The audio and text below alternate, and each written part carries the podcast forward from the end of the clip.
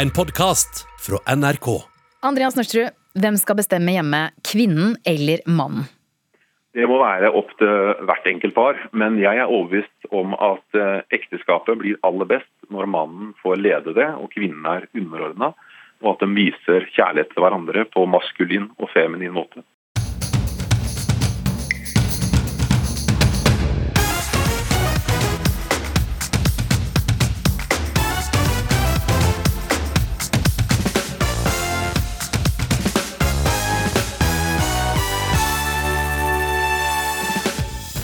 Mannen er overordnet kvinnen, mener kristenkonservative menn. Men hva sier kvinnen som er, er underordnet? Det får du høre i Ukeslutt. Norske artister føler med Morten Harket, som har betennelse på stemmebåndene. Og Helene Bøksle vet hvordan det er. Og du kan ikke akkurat synge på, på pust, liksom. Sånn her. Nei, da er det mer lyd i Depp fra Steinkjer. Det første metallbandet i MGP Juniors historie står på scenen i kveld. Jeg har ikke varma opp, da, men eh, Og fra brøling til bestevenn. Denne uka døde Norges vrangeste og mest sjarmerende hund, Anton. Matfar Fredrik Holmen er ikke alene om å sørge. Og på Facebooken så er det jo enorm respons.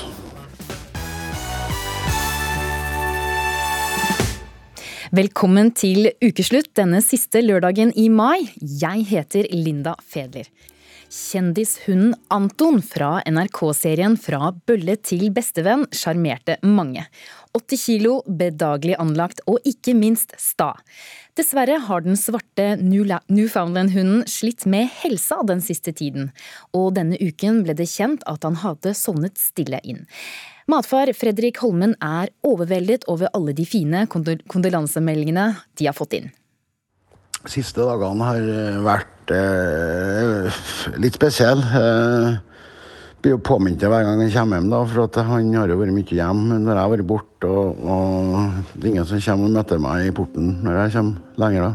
Nei, den store svarte hunden som sjarmerte så mange, kommer ikke lenger for å møte matfar Fredrik Holmen i porten.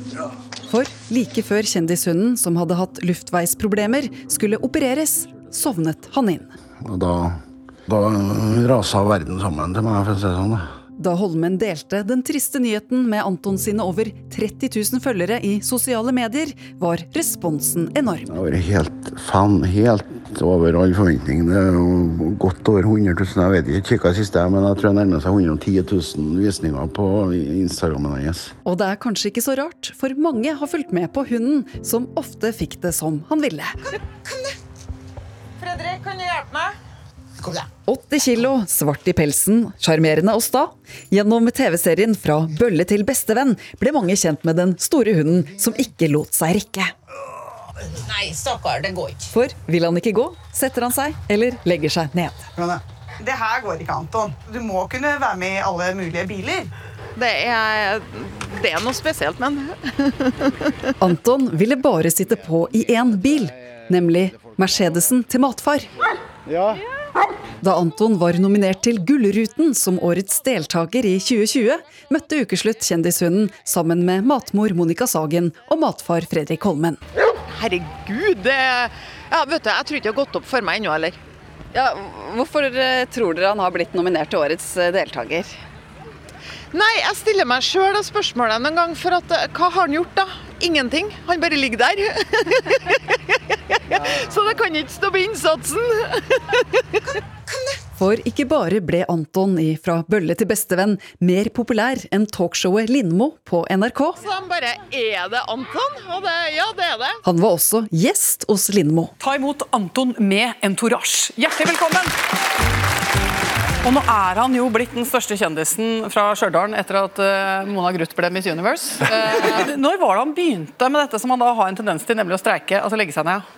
Vet du, Han starta med det han allerede når han var kvalm. Folk stoppa jo, de kom med bil og 'skal jeg hjelpe deg', 'vi kan ta han inn i bilen', 'jeg kan kjøre han hjem'. Det blir gitt ut både barne- og voksenbok om hunden Anton. Klart det er jo artig. Matmor er stolt, hun og til og med en egen sang, som passende nok heter 'Sjarmerende og sta'.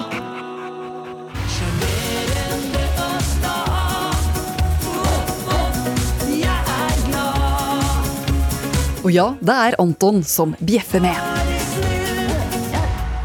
Ja, kom, da, kom, ja. Det er ikke så lett når han stopper så langt unna. Altså. Han er jo så himla tung. Hundetrener Maren Teien Rørvik sier Anton gjorde inntrykk også på henne. Jeg, jeg husker jeg var veldig overraska første gang jeg møtte Anton. For det var, alt var liksom så rart og uventa. For jeg trodde kanskje ikke noe på at han var liksom så sta og sånt, som eierne beskrev det. Ja, kom igjen. Nei, da legger han seg ned, ja. Ja, hva, hva, Hvilke tilbakemeldinger fikk du når folk hadde sett eh, Anton eh, på Bølle til Vestevenn? Nei, det var jo veldig mange som var litt sånn at de tenkte at nei, sånn her, sånn her føler jeg meg hver mandag også. Eller at det var litt sånn øh, øh, Ja, folk kunne kjenne seg litt igjen i Anton, da. Og det der at man ikke, ikke vil og ikke orker og ikke gidder mer, liksom. Hunden Anton er død. Så det jeg tipper jo at det er veldig, veldig tungt for de, og så ble man jo litt sånn, får man litt sånn grøss og håper at det skal gå bra med sine egne. TV- og radioprofil Niklas Baarli har selv en kjent hund som folk har kunnet følge gjennom ulike TV-program, og som snart er aktuell i TV 2 sitt nye hundeprogram Gi lab. Hunden er kjent som Bjarne the Doodle, med over 20 000 følgere på Instagram.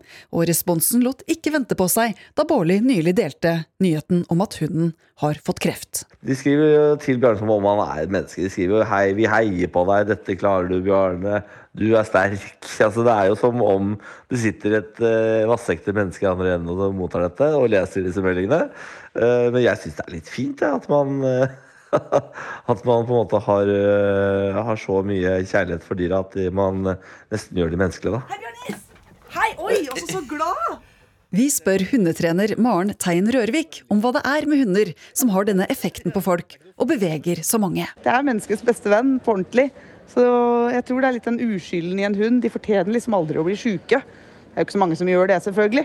Men jeg tror det er lett å engasjere seg i den omsorgsbiten for en hund. Og på Facebooken så er det jo enorm respons. Og flere tusen kommentarer. Ja, det er, en- jeg tipper nærmere 4000 kommentarer. Er På den avdøde hunden Anton sin Instagram-konto kan man se video av en hvit limousin med bilde av Anton på panseret. For nå planlegger matfar Fredrik Holmen en minnekonsert på Stjørdal torg med artister som Karina Dahl. Sånn at nå alle kan få ta farvel med hunden. Hvis det blir vellykka, så blir jeg superhappy. For det er rekreasjon til meg å gjøre det nå. Jeg føler at, eh, at jeg gjør noe for den. Det, for meg så blir det veldig rekreasjon. Fælt og tungt er det. Men eh, det blir heldigvis eh, bedre enn etter hvert. Så kan man leve med de gode minnene. Anton står ikke lenger i porten hjemme.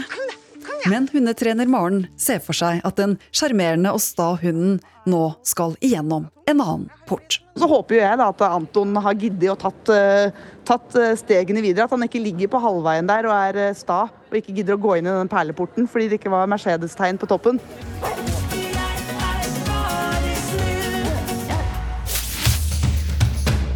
Hello, everyone. Um, I'm so sorry that I can't make it tonight. It's uh, I hate it, and I'm I'm very regretful that I let you all down.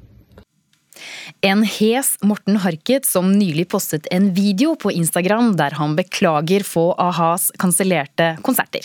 Harket har fått akutt laryngitt, som er en betennelse på stemmebåndene, og må hvile stemmen. Vår reporter Kari Li har vært og møtt sangeren Helene Bøksle, som selv har erfart å måtte avlyse konserter pga. stemmen.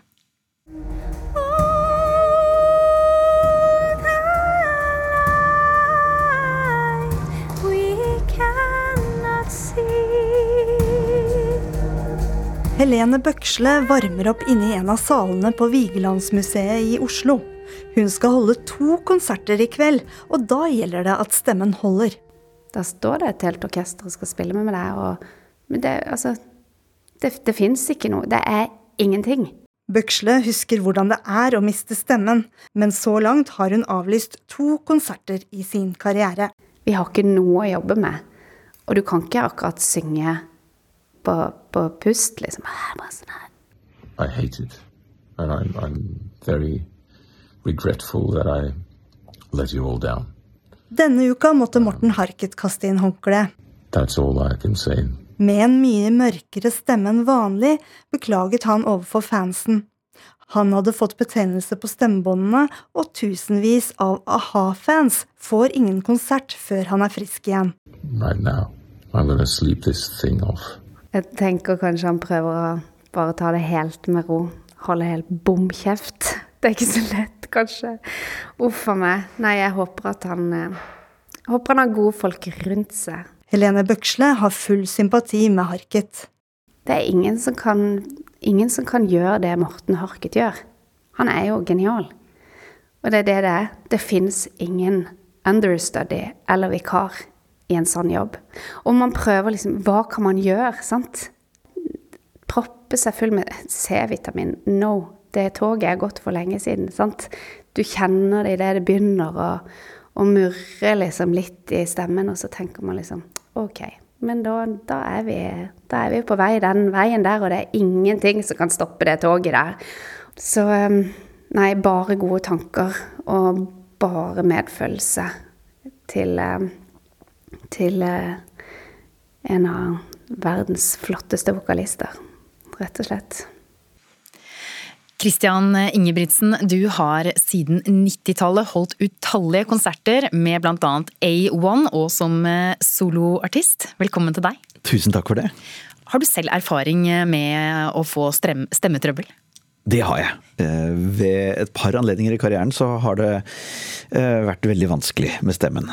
Og det som er så kjedelig med det, er at når du først, som vi hører Helene sier her, når du først har kommet dit, så, så det er, det er, ikke så lett å bare Det er ikke bare å sove det av seg på et par døgn. Noen ganger kan det ta faktisk ganske lang tid å få stemmen tilbake. Eh, uker, kanskje måneder. Eh, men som utøvende artist så har man jo aldri tid til eh, egentlig det. Og, og, jeg tror kanskje at hvis man ser på sånn antall sykedager i løpet av en karriere, så tror jeg artister er nå de som har færrest sykedager. For vi, det er bare det at stemmen ikke er der som kan gjøre at vi ikke går på scenen. Med oss fra bil så er du artist Didrik Soletangen. Du er utdannet klassisk sanger, altså utdannet til å bruke stemmen din riktig. Men har det likevel endt med litt stemmekrøll for deg? Du, det har vært sjeldent, eller aldri. Jeg tror faktisk aldri jeg har måttet avlyse noen konsert. Og det er som du sier, at når man har den si, utdannelsen på å bruke stemmen riktig, så, så tror jeg også at i situasjoner hvor man, man, man kanskje ville vært for hås eller så, så, så, har man på en måte hva skal jeg si, god teknikk da, til, til, å på en måte skjerme eh, og, og, komme seg gjennom det på et eller annet vis. Eh, selv om det ikke blir optimalt, så vil man måtte klare det. Men jeg har, jeg har jo opplevd å miste stemmen. Det har bare heldigvis inntruffet når jeg ikke har hatt konsert. Men Hva var det som skjedde da, da du mistet stemmen? Nei, da var det jo Jeg husker ikke hva det tror faktisk det var en gang jeg var på Ekstremsportveka på Voss og hoppa i fallskjerm. Det var ikke fordi at jeg skreik da jeg hoppa ut, men det var rett og slett bare en, en kraftig forkjølelse som, som satte seg. Og da husker jeg at det var rett og slett Da hadde jeg ikke, kunne ikke prate engang. Det var bare Det var borte. Med Christian, dere har jo covret a-has Take On Me da du var i A1, eller fortsatt er. Og det er jo et parti som synges ekstremt lyst her. Vi kan jo høre.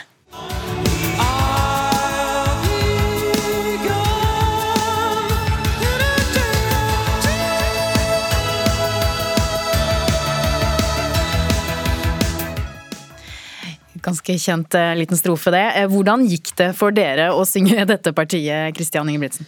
Når stemmen er på plass, så går det veldig fint. For oss alle, faktisk, i, i bandet. Egon kan synge det. Er Ben som synger den da, når vi gjør de sammen. Men det er, et, et, det er jo et veldig stort register som brukes da, i denne sangen her. Helt fra det dype til helt, helt, på toppen der. Så jeg skjønner godt at for Morten Harket, så hvis ikke stemmen er på plass, så, så er ikke det en enkel sak å, å, å, å fremføre. Mm. Men Didrik, du som sier at du på en måte aldri har mistet stemmen da du har sunget. Hva er dine beste triks for å bevare sangstemmen? Nei, altså det er, det er, litt i forhold til det å være føre var. da. Eh, bare rett og slett eh, pass, passe på eh, og når du kjenner at det kribler litt i nese eller hals, så, så må du på en måte det, det, går an å gjøre, det går an å gjøre noe, men du må være tidlig nok ute. Det kan hende jeg tar noen vitaminer og litt sånn uh, greier som det der, men jeg, jeg føler at det er svært lite av det som faktisk fungerer. Kristian, du har kanskje noen tips, men kan man også jukse seg til å få stemmen til å fungere under en konsert hvor du egentlig ikke burde ha sunget? Altså det, er, eh, det er noen eh, tabletter, en sprøyte man kan ta, eh, som heter kortison. Og det er dessverre mange sangere som rett og slett blir avhengig av det, fordi at det fungerer veldig bra. Jeg oppdaget det første gangen jeg fikk kortisonsprøyte mot allergi. Og en bivirkning var at jeg traff toner jeg ikke har truffet på, på mange år, og stemmen var helt klokkeklar.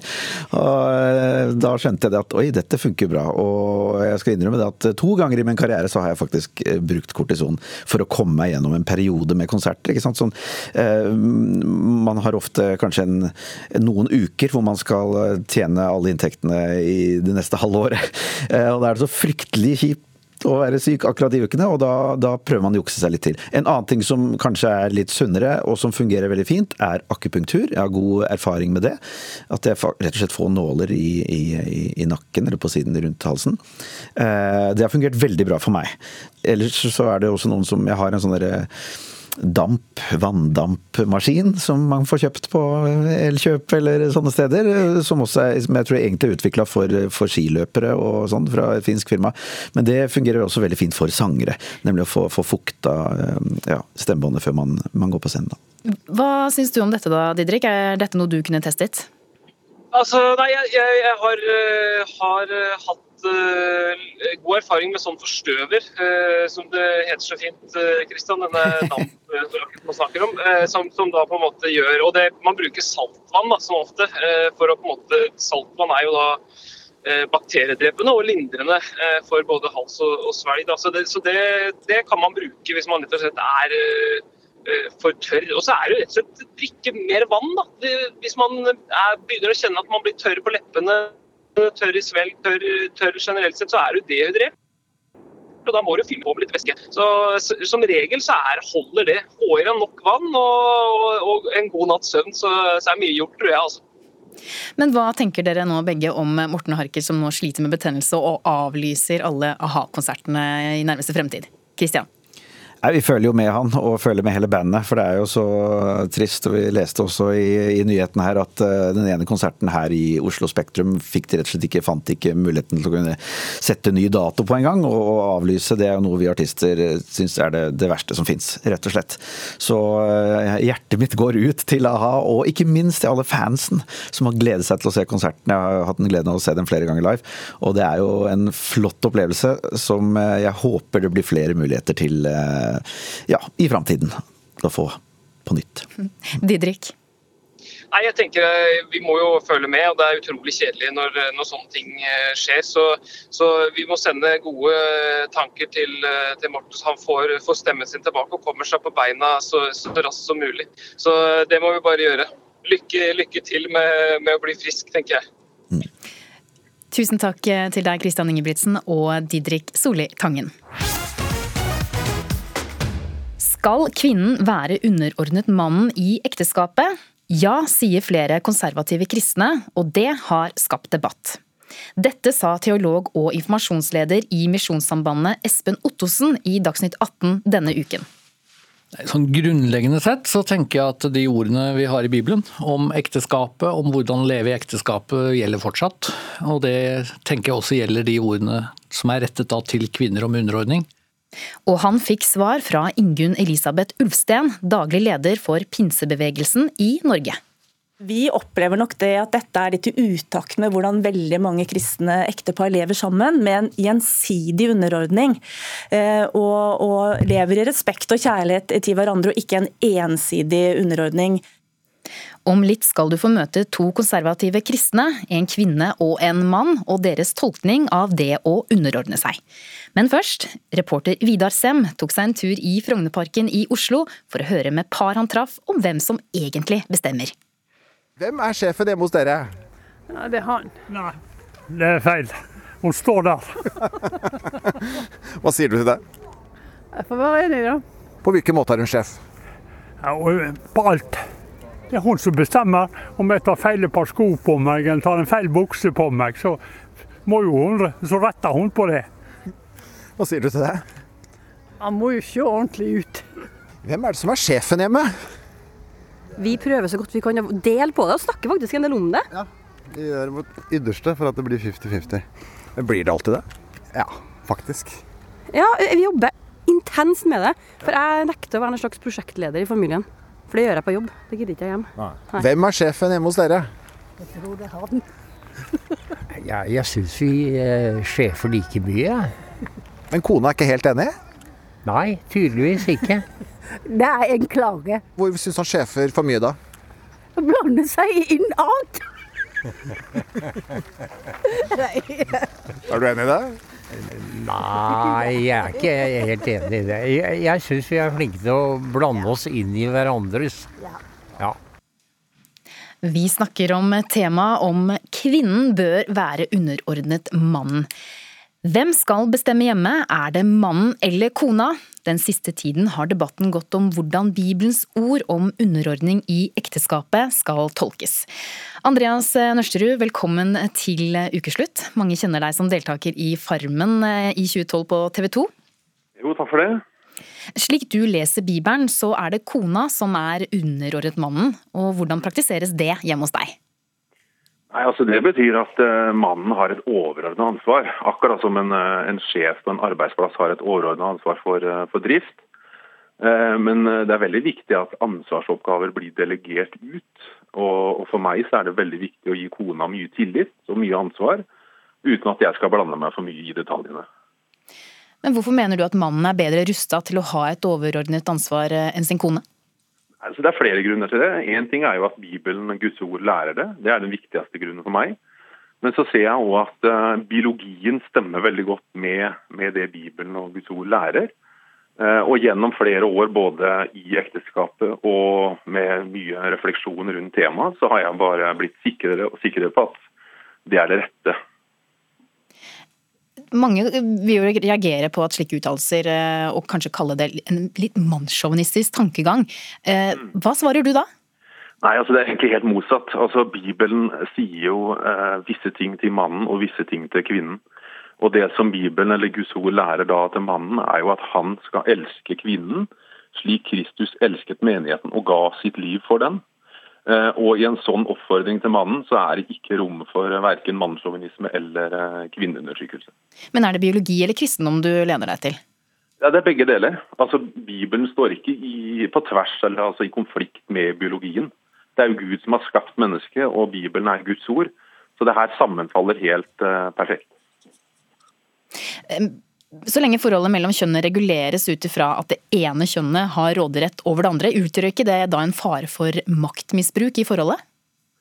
Jo, altså I alle, alle, sammenhenger i samfunnet hvor du har en overordna og en underordna, så er det fare for maktmisbruk. Men det betyr ikke dermed at vi skal oppheve alle disse ordningene. Ikke sant? Som jeg nevnte i stad, så er vi på arbeidsplasser avhengig av å ha sjefer. Eh, I skolen så er vi avhengig av å ha lærere. Eh, og, og hjemmet så er vi òg faktisk avhengig av å ha en overordna. For det blir uenigheter i et hjem og i en familie, og da må mannen være den som har siste ordet eh, når det er uenighet. Ellers så er det jo kjempefint når mannen og kona er enige, og det ønsker en jo selvfølgelig at det skjer mest mulig. Men hva er det du får, får siste ord i? Nei, altså det er Hvis det er store prinsipielle ting, veivalg, at jeg som mann går inn og sier at vet du hva, nå går det for langt, eller nå, nå er det noe, noe, feil her, eh, så vil jeg kunne sette ned foten overfor kone og barn og si at nå, nå må vi stoppe. Eh, ellers så prøver jeg å legge meg minst mulig borti eh, hva kona driver med. Hun har sine ansvarsområder, og jeg er veldig glad i å gi henne mest mulig tillit. Og det fungerer òg veldig godt. Men har du et eksempel på noe du er med på og bestemmer? Eller som du bestemmer? Altså, Jeg vil ikke gå for mye inn på privatlivet, sånn sett, men et eksempel kan jo være hypotetisk at hvis hun går ut, og jeg mener at hun går veldig uverdig kledd, så vil jeg kunne si at nå syns jeg du bør ta på deg noe annet. noe som, noe som er mer verdig. Eh, og da vil jeg kunne forvente, forlange at hun gjør noe med det. Og da syns hun det er greit? Ikke alltid. Men det er jo der hele poenget med underordning er. at Det er jo når vi er uenige med den overordna at det er krevende å underordne seg. Men det betyr som sagt ikke dermed at vi skal oppheve hele greia. fordi hele samfunnet er tufta på at noen er overordna og andre er underordna. Og ikke minst når det kommer til lovverket, norsk lovverk, så er alle innbyggere, samfunnsborgere, underordna det. Men får hun også bestemme da hva du skal ha på deg når du skal ut? Altså Må gjerne komme med innspill. Jeg er veldig opptatt av å lytte til kona mi og alle andre som jeg møter. Eh, men i familielivet, i ekteskapet, så er mannen satt til å ha siste ordet i, i uh, saker hvor en er uenig. Og, og være den som, som uh, går veien, som går foran. Og så er kona med som en hjelper ved siden av. Det er sånn som Bibelen Guds ord har lagt opp til at mann og kvinne skal leve i fellesskap. Men hvilke, hvilke, ansvarsområder er det hun har, får lov til å bestemme over, da?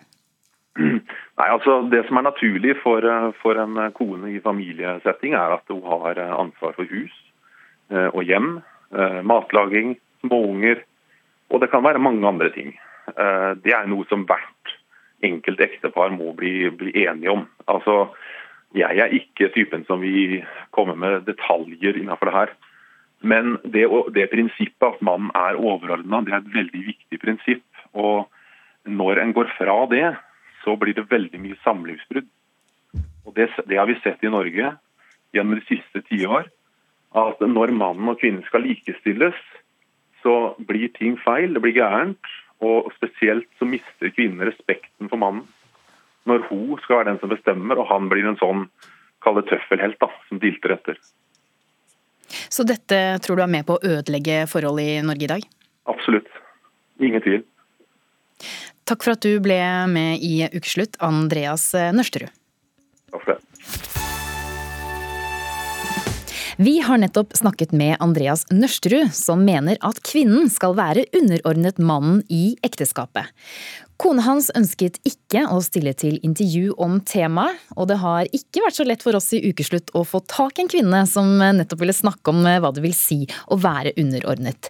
Men det ville du, Wenche Alnes. Du er også konservativ kristen og aktiv i pinsemenigheten. Er du og mannen din enig med Nørsterud?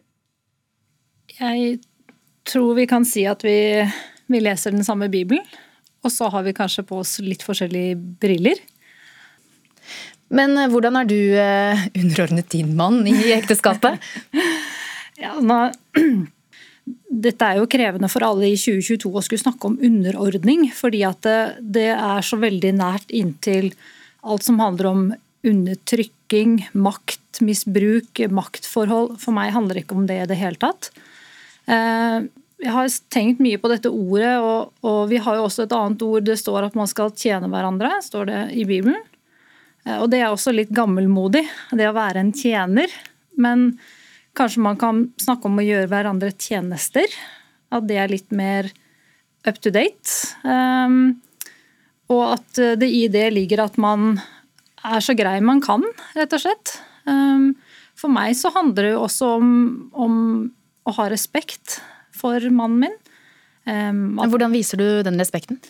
Nei, jeg, jeg gjør det ved, ved f.eks. å være bevisst på at jeg, jeg, snakker positivt om han når han ikke er der. Jeg er oppriktig stolt av han, og jeg prøver å vise det og si det.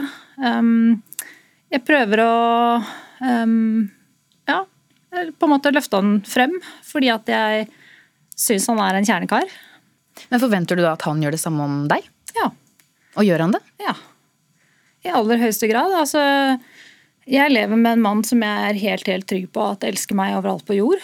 Eh, og for meg er jo det en trygghet. Eh, han er jo en, for meg en bauta. Og Andreas snakket også litt dette her med, med å ha et øverste ansvar. Ja, for du, sier, du er jo leder eh, i jobben din, men kan ikke du ha hovedansvaret hjemme? Jo, men hva betyr det å ha hovedansvar? Eller Jo, jeg kan det. Uh, altså jeg, jeg, kan ha ansvaret for veldig mange praktiske ting. Hvordan vi forordner oss i det praktiske daglige livet. Det er det jeg mener at det, det er opp til oss. Um, men så er det noe med at mannen min, vi to oss imellom, har blitt enige om at i vår relasjon så har han et hovedansvar hva nå enn som ligger i det. og det er det jeg mener at litt... For der lurer jeg på hva ligger i det? Ja, og det er det jeg sier at det, det er ikke så lett å forklare, fordi at det, øh, Vi ville ikke hatt en diskusjon om hva jeg har på meg, eller øh, hvis, hvis, vi skal reise et sted og jeg vil dit og han vil dit, så, så blir vi på en måte enige om hvor vi skal. Um, og så snakker vi om det, og så finner vi ut av det. Uh, så at det, i det som Bibelen snakker om her, så ligger det ikke for meg noe element av verken makt eller dominans eller disse litt sånn negative tingene. Men det er en god ting for, for oss, da. Men føler du noen ganger at du har mindre ansvar hvis det kommer til liksom, de store spørsmålene dere, dere, taler opp i eh, familien? Nei. Absolutt ikke. Altså det, dette snakker vi om. Eh, det ble også snakket litt her om veivalg i livet for meg er det veldig naturlig at det er noe som vi diskuterer sammen og, og tar en felles avgjørelse om. Men er du da underordna sånn egentlig? Um, ja, det, det jeg, Sånn som jeg leser Bibelen, og sånn som jeg snakker om det, uh, i den forstand at for meg så betyr det uh, å ha respekt for mannen min og gjøre han tjenester og være så grei jeg kan og være den beste kona jeg kan være for han. Og det prøver jeg på. Men Nørsterud sier jo at eh, forhold kan lide under likestilling. Er du enig i det? Nei, jeg, Det jeg tror at forhold kan lide under, det er at man ikke har seg imellom snakket om hva skal være min rolle og hva skal være din rolle i dette forholdet. Jeg tror at man kan bli veldig sliten av å skulle være alle ting, begge to. Eh, og at, eh, at man ikke kan bli enige om at uh, nå gjør jeg det og du gjør det, eller altså, hva nå enn det skulle være av praktiske og, og ikke-praktiske ting, så tror jeg man kan bli veldig sliten hvis begge to kjenner på at ja, men jeg, jeg skal både jeg skal både være ute og, og, og, skifte dekk, og jeg skal være inne og jeg skal lage mat. altså Man kan bli mer sliten av å skulle være alt. da. Så Det tror jeg kanskje kan være en utfordring, at man, man må bli enige seg imellom. Men Altså, jeg legger til grunn at Gud har skapt menn og kvinner. Og, og, Gud har skapt et mangfold av kvinner, som både er store og sterke og små og spinkle. Og menn er store og sterke og små og spinkle. Så. Og er det rom for at kvinner kan skifte dekk under eh, Guds ånd? Definitivt. Takk for at du ble med i Ukeslutt, Wenche Alnes. I kveld er det duket for finale i Mesterligaen, også kalt Champions League i Paris. Og det er altså fotballagene Real Madrid og Liverpool som skal kjempe om seieren. Jan Petter Saltvedt, sportskommentator her i NRK. Mesterligaen, hvor stort er det? Nei, du, Det er eh, den største enkeltbegivenheten i idretten i verden uh, i løpet av et år. Kanskje lite unntak av dette året her og hvert fjerde hvor det er VM-finale i fotball også. Men i kveld sitter det flere hundre millioner mennesker samlet og ser på den samme begivenhet eh, enn det nesten gjør noen gang ellers i året. Hvilke spillere er det som eh, vil avgjøre i kveld, da, tror du? Nei, altså Det blir mye snakk om hvem som skal skåre disse litt avgjørende målene. det er noen veldig klare profiler der. Det er en franskmann som heter Benzema i eh, Real Madrid. Han har blitt 34, som eh, jo eh, høres voksent ut i fotballsammenheng, men er bedre enn han noen gang har vært. Sannsynligvis verdens beste spiller akkurat nå. Men så har Liverpool en egypter med navn Mohammed Salah. Som ble Altså, han ble revet ned og skadet sist Liverpool og Real Madrid møttes for fire år siden i mesterligafinalen i Kiev. Og han har vært veldig klar på at nå er det hans tur til å ta revansj. Og så kan vi jo bare snu kjapt på det og tenke oss at kanskje de to beste målvaktene i verden som skal prøve å stoppe dem på hver sin side, en brasilianer og en belgier. Og så er det ikke tilfeldig når det kommer lag som Liverpool og Real Madrid til en sånn finale. Det er så mye gode spillere alle steder. Ja, for Det er ikke en overraskelse at det var de to lagene som tok seg til finalen? Nei, det går ikke an å si det er det når Real Madrid, som har vunnet, de har vunnet 13 ganger denne gjeveste pokalen, Liverpool 6, det er storheter gjennom historien, det er storheter i dag. Og så er det ikke alle som helt hadde trodd at Real Madrid anno 2022 skulle være gode nok. Men de har vist at de har en sånn de har en sånn tradisjon og en kultur og en sånn tro på at vi vinner uansett, som har gjort at de liksom, veien til finalen så har de slått ut først Paris Saint-Germain, dette laget med, som har kjøpt de omtrent største og dyreste stjernene i verden. Selv om det ser ut som de holder på å tape. Så møter de Chelsea, regjerende mester. Ser ut som de holder på å tape. Snur alt sammen eh, ganske kjapt. Og så kommer vi til en semifinale mot Manchester City hvor de virkelig blir utspilt og ligger under fra stort sett hele tida til du kommer til overtid. Og som om det er den største naturlighet av verden. Vi er Real Madrid. Det betyr til og med de kongelige fra Madrid. Kongen av Europa står på store bannere på tribunen. Når vi kommer til overtida, så snur de alt igjen. Eh, og når de er der, så tenker de ja, kanskje er det akkurat eh, helt naturlig. Men, nå er det jo, men det er kampen om pokalen. Kan ja. det da bli litt stygt? Ja, det kan det definitivt. Eh, det er, eh, det er jo en kamp mellom trenere her òg. Eh, italienske Carlo Angelotti som trener Real Madrid, og den særdeles karismatiske tysker Jürgen Klopp i, i Liverpool. Og disse kjenner hverandre så utrolig godt. Så altså, hvordan de skal ta de små grepene for å stoppe nøkkelspillere. Eh, Liverpool har hatt noen småskader. Man spekulerer jo i om eh, Real Madrid sender sine tøffeste menn ut for å takle dem litt eh, ekstra hardt. Den type små taktiske grep som man aldri snakker høyt om, men som vi kan ta en bitte liten prat om her i ukeslutt, heldigvis. Men hvordan blir det forholdet da etterpå, når én vinner, én taper? Er det et hat du, Duker for hatkamper mellom de etterpå, da? Ja, det, det kommer til å gjøre vondt til neste mulighet for å ta den revansjen. Når man kommer så langt, så blir også forventningene spent så høyt. Man er akkurat akkurat de centimeterne unna å kunne ta på den pokalen. altså Å ta med seg tilbake uh, det av lagene som vinner, skal jo paradere i en åpen buss gjennom uh, Liverpool eller Madrid på søndag og vise fram det gjeveste av alle trofeer man kan vinne som en klubb. Lysten til å ha med seg den kommer til å bli snudd til Vi skal ikke kalle det hat på vegne av noen, men det kommer til å bli en revansjelyst som eh, ikke slipper gjennom den sommeren her, i hvert fall. Og Finalen den kan du høre på radio på NRK Sport og se på TV 2 klokken 21 i kveld.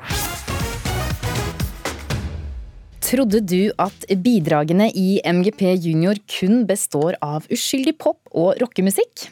Det er det slutt på nå. Depp fra Steinkjer sørger for at det i år for første gang er et metallband blant deltakerne. Ukeslutts reporter Helga Tunheim var med de to bandmedlemmene for å sjekke ut arenaen de skal spille på i kveld. Det er spesielt. Se hvor, liksom, hvor stort det er og at det skal være så mye publikum her. Det, det er spesielt. Guttene i metallbandet Depp skuer utover salen i Telenor Arena. Den samme arenaen Elton John fylte til randen to ganger forrige helg. Det begynner å gå opp for Tønder og Gaute hva de har i vente i MGP junior. Altså, jeg så noen klipp fra det, og det var, ja, det var fullstappa. Så ja, litt artig å komme etter han da, inni her.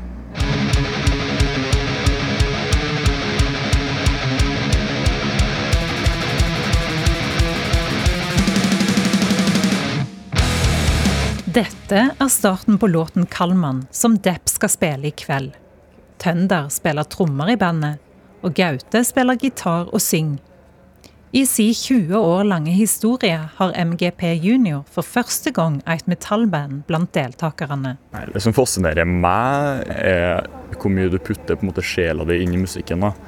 Følelser som man ikke får til å for, forklare eller um, vise på noe annen måte. Da. Jeg skal prate med Jørn Stubberud seinere. Kjenner dere til han? Skal du snakke med Jørn? Nei, det er jo kult. Ja, han, han kjenner vi til, ja. Er han et forbilde, eller? Ja. Det, han er forbilde, ja. ja. Alle gutta i meg er egentlig det. Jeg tenkte å få Jan til å høre gjennom sangen deres. ja. Du kommer til å bli slakta. slakta pga. at du har med synging og refreng. Jeg huff a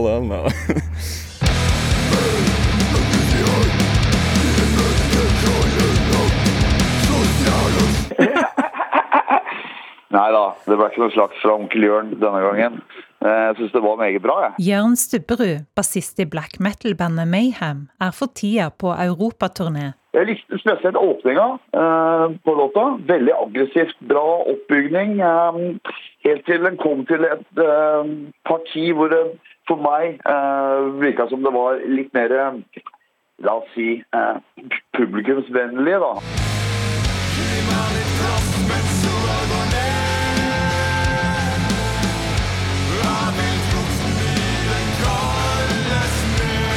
Det er tydeligvis at disse gutta her um, De har kommet jævlig langt uh, til tross for sin uh, unge alder. da.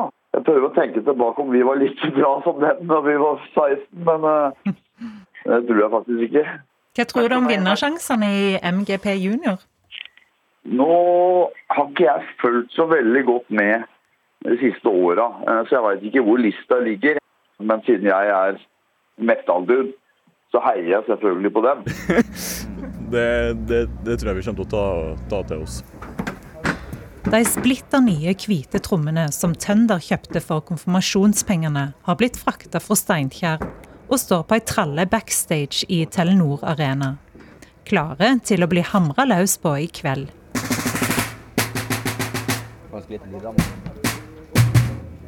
I mellomtida driver han med rytmeøving ved å tromme hendene på låret. Og Gaute må finslipe stemma si før han skal brøle ut kald mann til 8000 publikummere. Du bruker sånn falske stemmebånd som ligger over de vanlige stemmebåndene dine.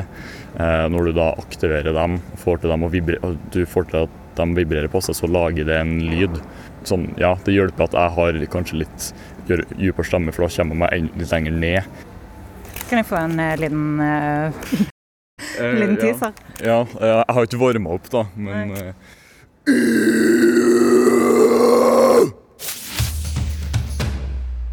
Mens foreldre planlegger begravelse for de 19 elevene som ble skutt og drept på barneskolen i Uvalde, Texas, holder den mektige National Rifle Association, NRA, sin våpenkonferanse som planlagt. Der holdt tidligere president Donald Trump en tale hvor han bl.a. sa at USA ikke trenger strengere våpenlover, men heller må fokusere på psykisk helse. Thomas Seltzer, du tilbrakte barndommen din i USA, og i din serie UXA på NRK så har vi fått eh, nyttig innsikt i hvorfor er, ting er som de er i USA, og hvorfor amerikanere ser på verden som de gjør. Det er kanskje ikke overraskende det Trump kom med? Nei, det er jo den samme regla man får. Eh, at man må, man må øke f.eks. mental helse, offentlig mental helse. Dette er jo de samme folka som jo har lagt ned langt på vei offentlig mental helse i USA. Så det er jo tomme ord, og det er like tomt som disse tankene og bønnene som de gjerne sender eh, hver gang det har vært en ny skoleskyting.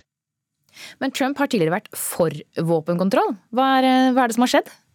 Ja, Det er jo hans eh, personlighet. Han er jo egentlig en eh, New Yorker, først og fremst. Han har ikke noe spesielt forhold til, et forhold til våpenkultur.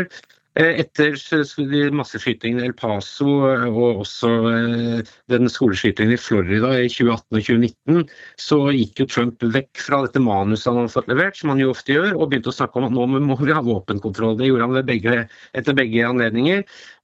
Og så blir han da kalt inn på teppet, rett og slett, til NRA, som sier hva er det du snakker om? Dette er ikke en del av manuset. Og så ombestemmer så kommer han ut neste dag og sier at nei, ikke, vi skal ikke ha våpenkontroll allikevel.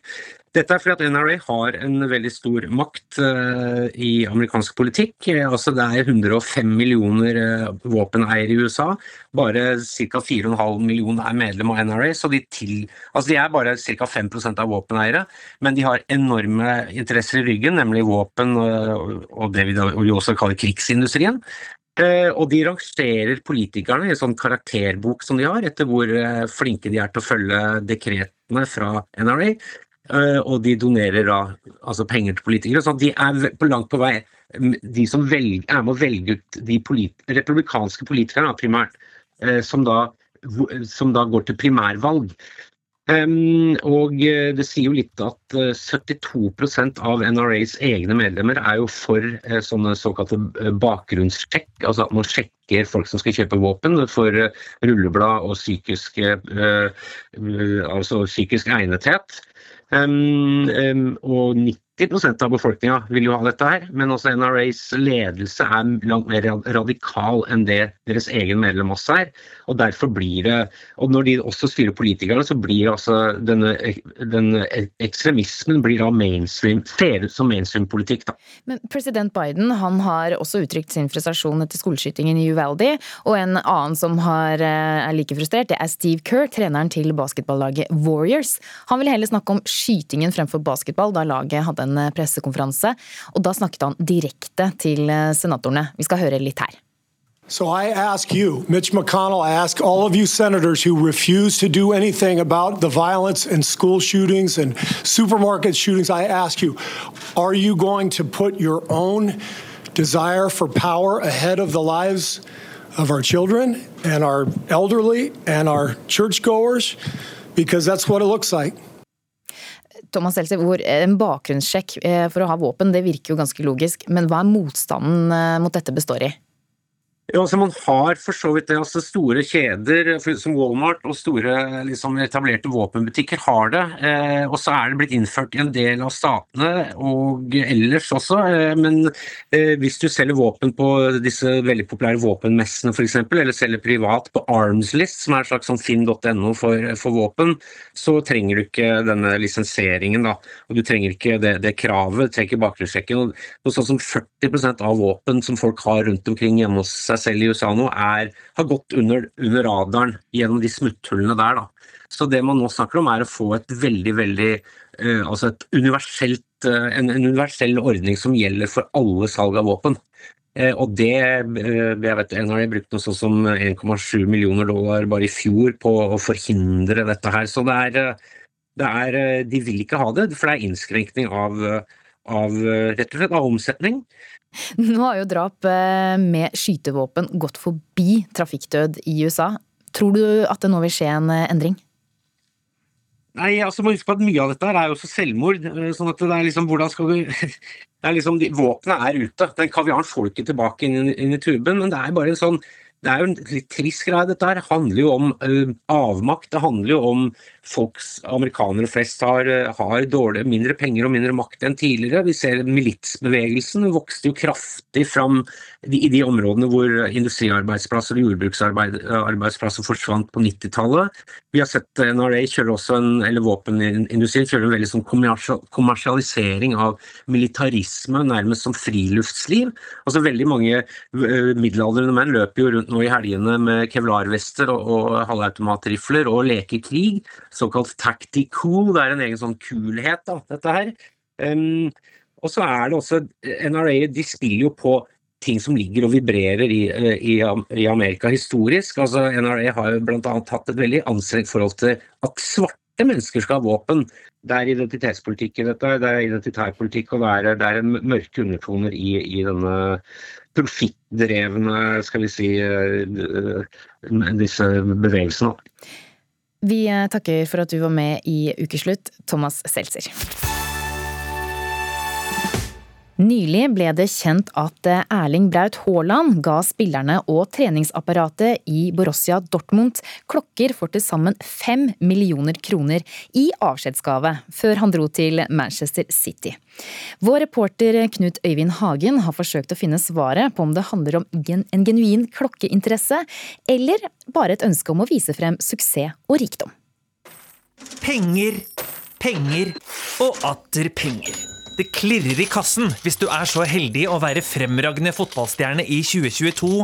Flere av dem bruker noen av sine millioner på tikkende millionobjekter, nemlig luksusklokker. En av butikkene som får celebert besøk, er den flunkende nye toetasjers butikken Tune i Stortingsgata. Willy Nordfjord viser oss noe av det aller helligste, iallfall dyreste. Så dette er da den eh, mest kostbare klokken vi har på lager nå, da, som er en glasshytte original med en flying tourbillon. Så den koster 1,1 millioner. Men hva er vel det hvis 1,1 millioner kroner er månedslønnen, eller til og med dagslønnen din som fotballspiller? Erling Braut Haaland klinker til og har kjøpt Rolex-klokker til 150 000 kroner stykket til 33 lagkompiser i Borussia Dortmund. Og ikke en hvilken som helst modell, sier Finansavisens klokkeekspert Jon Henrik Haraldsen. Nei, det, er en, det er en av de udødelige ikonene i klokkeverdenen. Den ble mm, lansert i på midten av 1950-tallet som egentlig en sånn slags profesjonell eh, dykkerklokke. Eh, men det er vel de færreste som eier en som er i dag, som, som, dykker aktivt med den. Det er nok mer under hvite skjortemansjetter og til dressen hvis man er James Bond, holdt å si.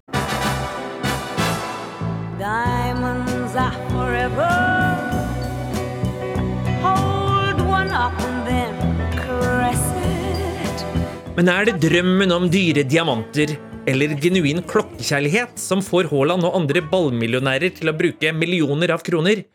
Jeg får tips om en som kan vite noe om det. Her ser vi bildet av eh, Erling sin, eh, sin eh, one of a kind custom-klokke. For ja, han er på fornavn med Erling Braut Haaland, Anders Drange. Nylig skapte de to sammen drømmeklokken for Haaland med draktnummer og skåringspositur på urskiven. Prislappen en godt bevart hemmelighet, men det han gladelig røper, er hva som er fotballspillernes drivkraft for å kjøpe dyr klokke. Spesielt for fotballspillere da, av hans kaliber er at de er opptatt av ting som ikke alle andre har. Det er det som blir viktig for dem når du kommer på det nivået der. Du du kan få tak i hva som helst. Penger er ikke et problem lenger. Da blir man mer interessert i unike objekt. Og Det er derfor han eh, hadde lyst til å lage den klokka sjøl, for å få noe som absolutt ingen andre har. Når han går inn i garderoben på Manchester City, så er det ingen som har den samme klokka som han har. Hva mener så folk på gata, rettere sagt i ballbingen, om Braut Haalands sjenerøse gest? Nei, det høres ut som klassisk uh, ung, uh, ung, mann med mye penger. Um, men altså, jeg hadde ikke sagt nei takk til det selv. Hadde du satt pris på å få en så dyr klokke i gave? Nei. Nei. Hvorfor ikke? Nei, jeg hadde vært, ja, Da måtte den jo ligge til safen, da. Jeg hadde ikke villet gått med en så dyr klokke, nei. Å bruke fem millioner kroner på å kjøpe klokker til lagkompiser, det ja. Det er vel kanskje ikke helt innafor, syns jeg. det er å dra det litt langt. Og gubben satt i kveldinga og koste seg med skjellinga. Kroner én, kroner to, kroner tre, kroner fire, kroner fem, kroner seks, kroner sju, kroner åtte, kroner ni. En av dem som er kritisk til fotballens pengegalopp, er VGs sportskommentator Leif Welhaven. Selv om han påpeker at det er et sympatisk trekk å ville gi sjenerøse gaver til lagkompiser. Likevel så blir det altså noe litt spesielt å skulle altså bruke altså millioner på klokker til uh, da, fotballspillere som allerede er ekstremt rike. Bare underbygger liksom ytterligere det sånn absurde i den økonomiske verden disse menneskene lever i. Jeg har prøvd å få hovedpersonen selv i tale, men Braut Haaland vil ikke stille. Men han har innrømt at han er en samler som har lyst på enda flere klokker.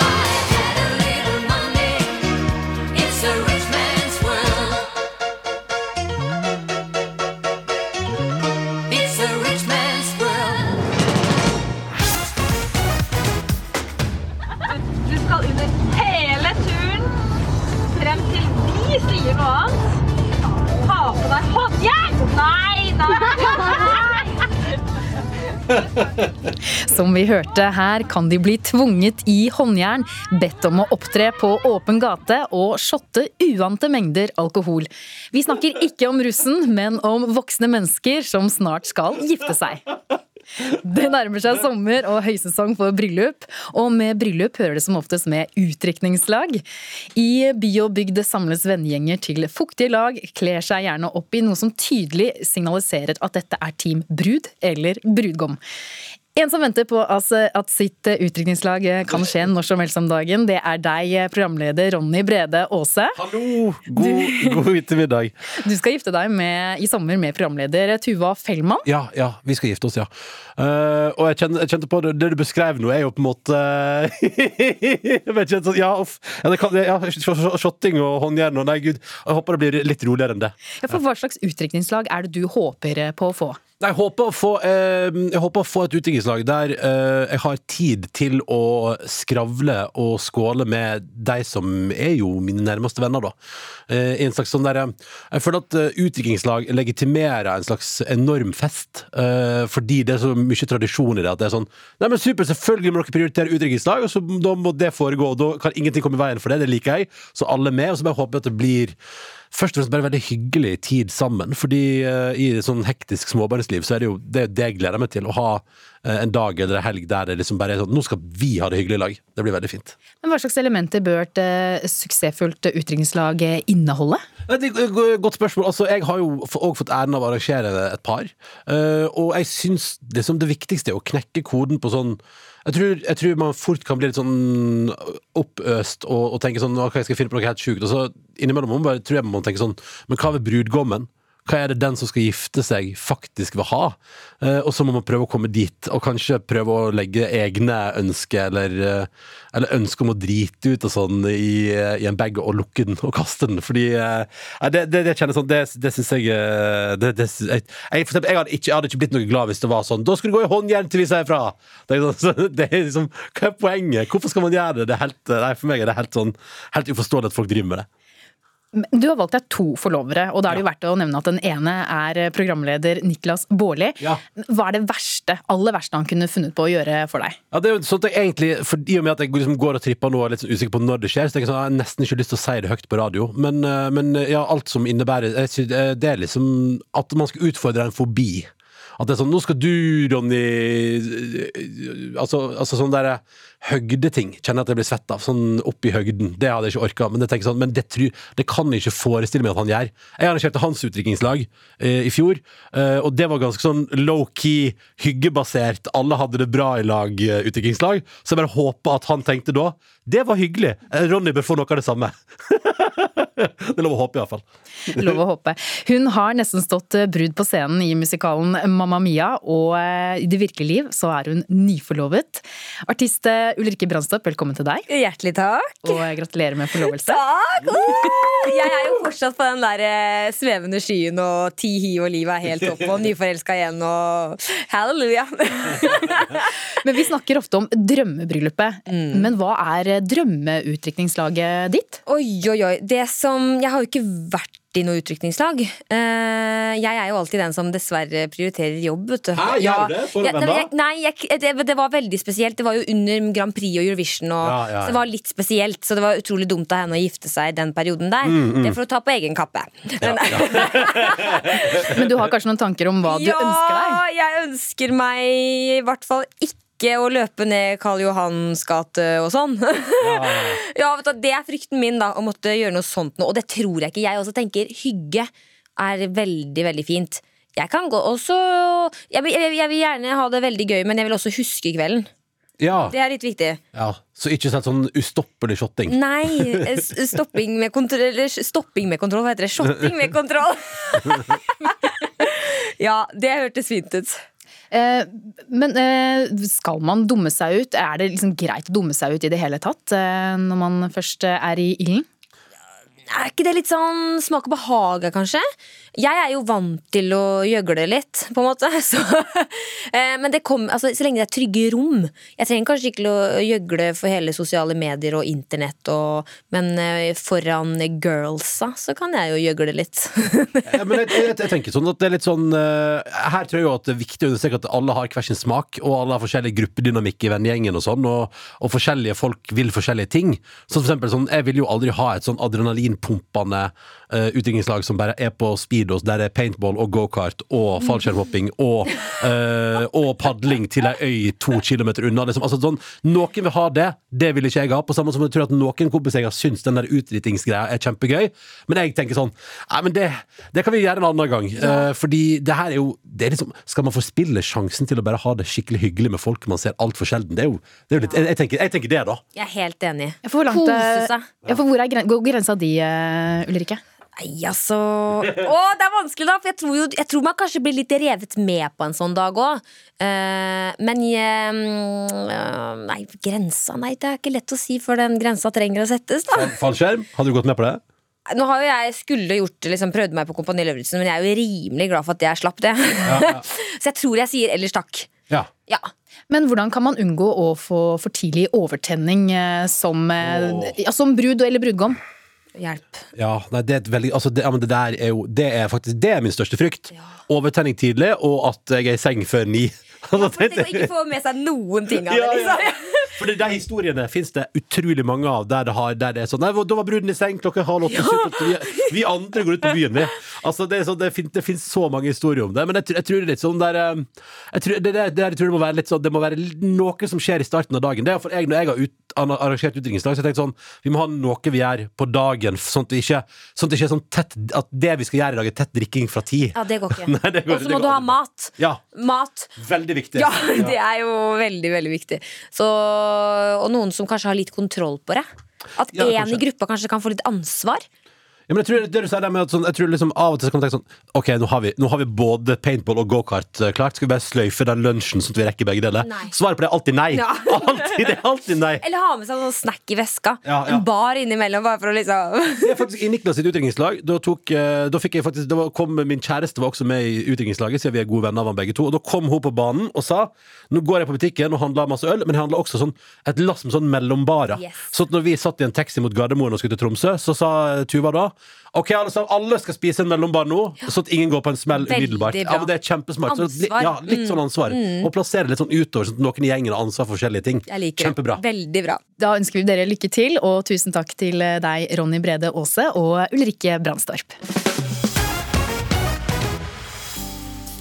Vi hørte altså Breathe. Ansvarlig for denne sendingen, det var Kari Li. Teknisk ansvarlig Hilde Tosterud og meg i studio, Linda Marie Fedler. Ha en fortsatt fin lørdag, og takk for at du hørte på Ukeslutt. Vi tar gjerne imot dine tips og tilbakemeldinger på ukeslutt at nrk.no.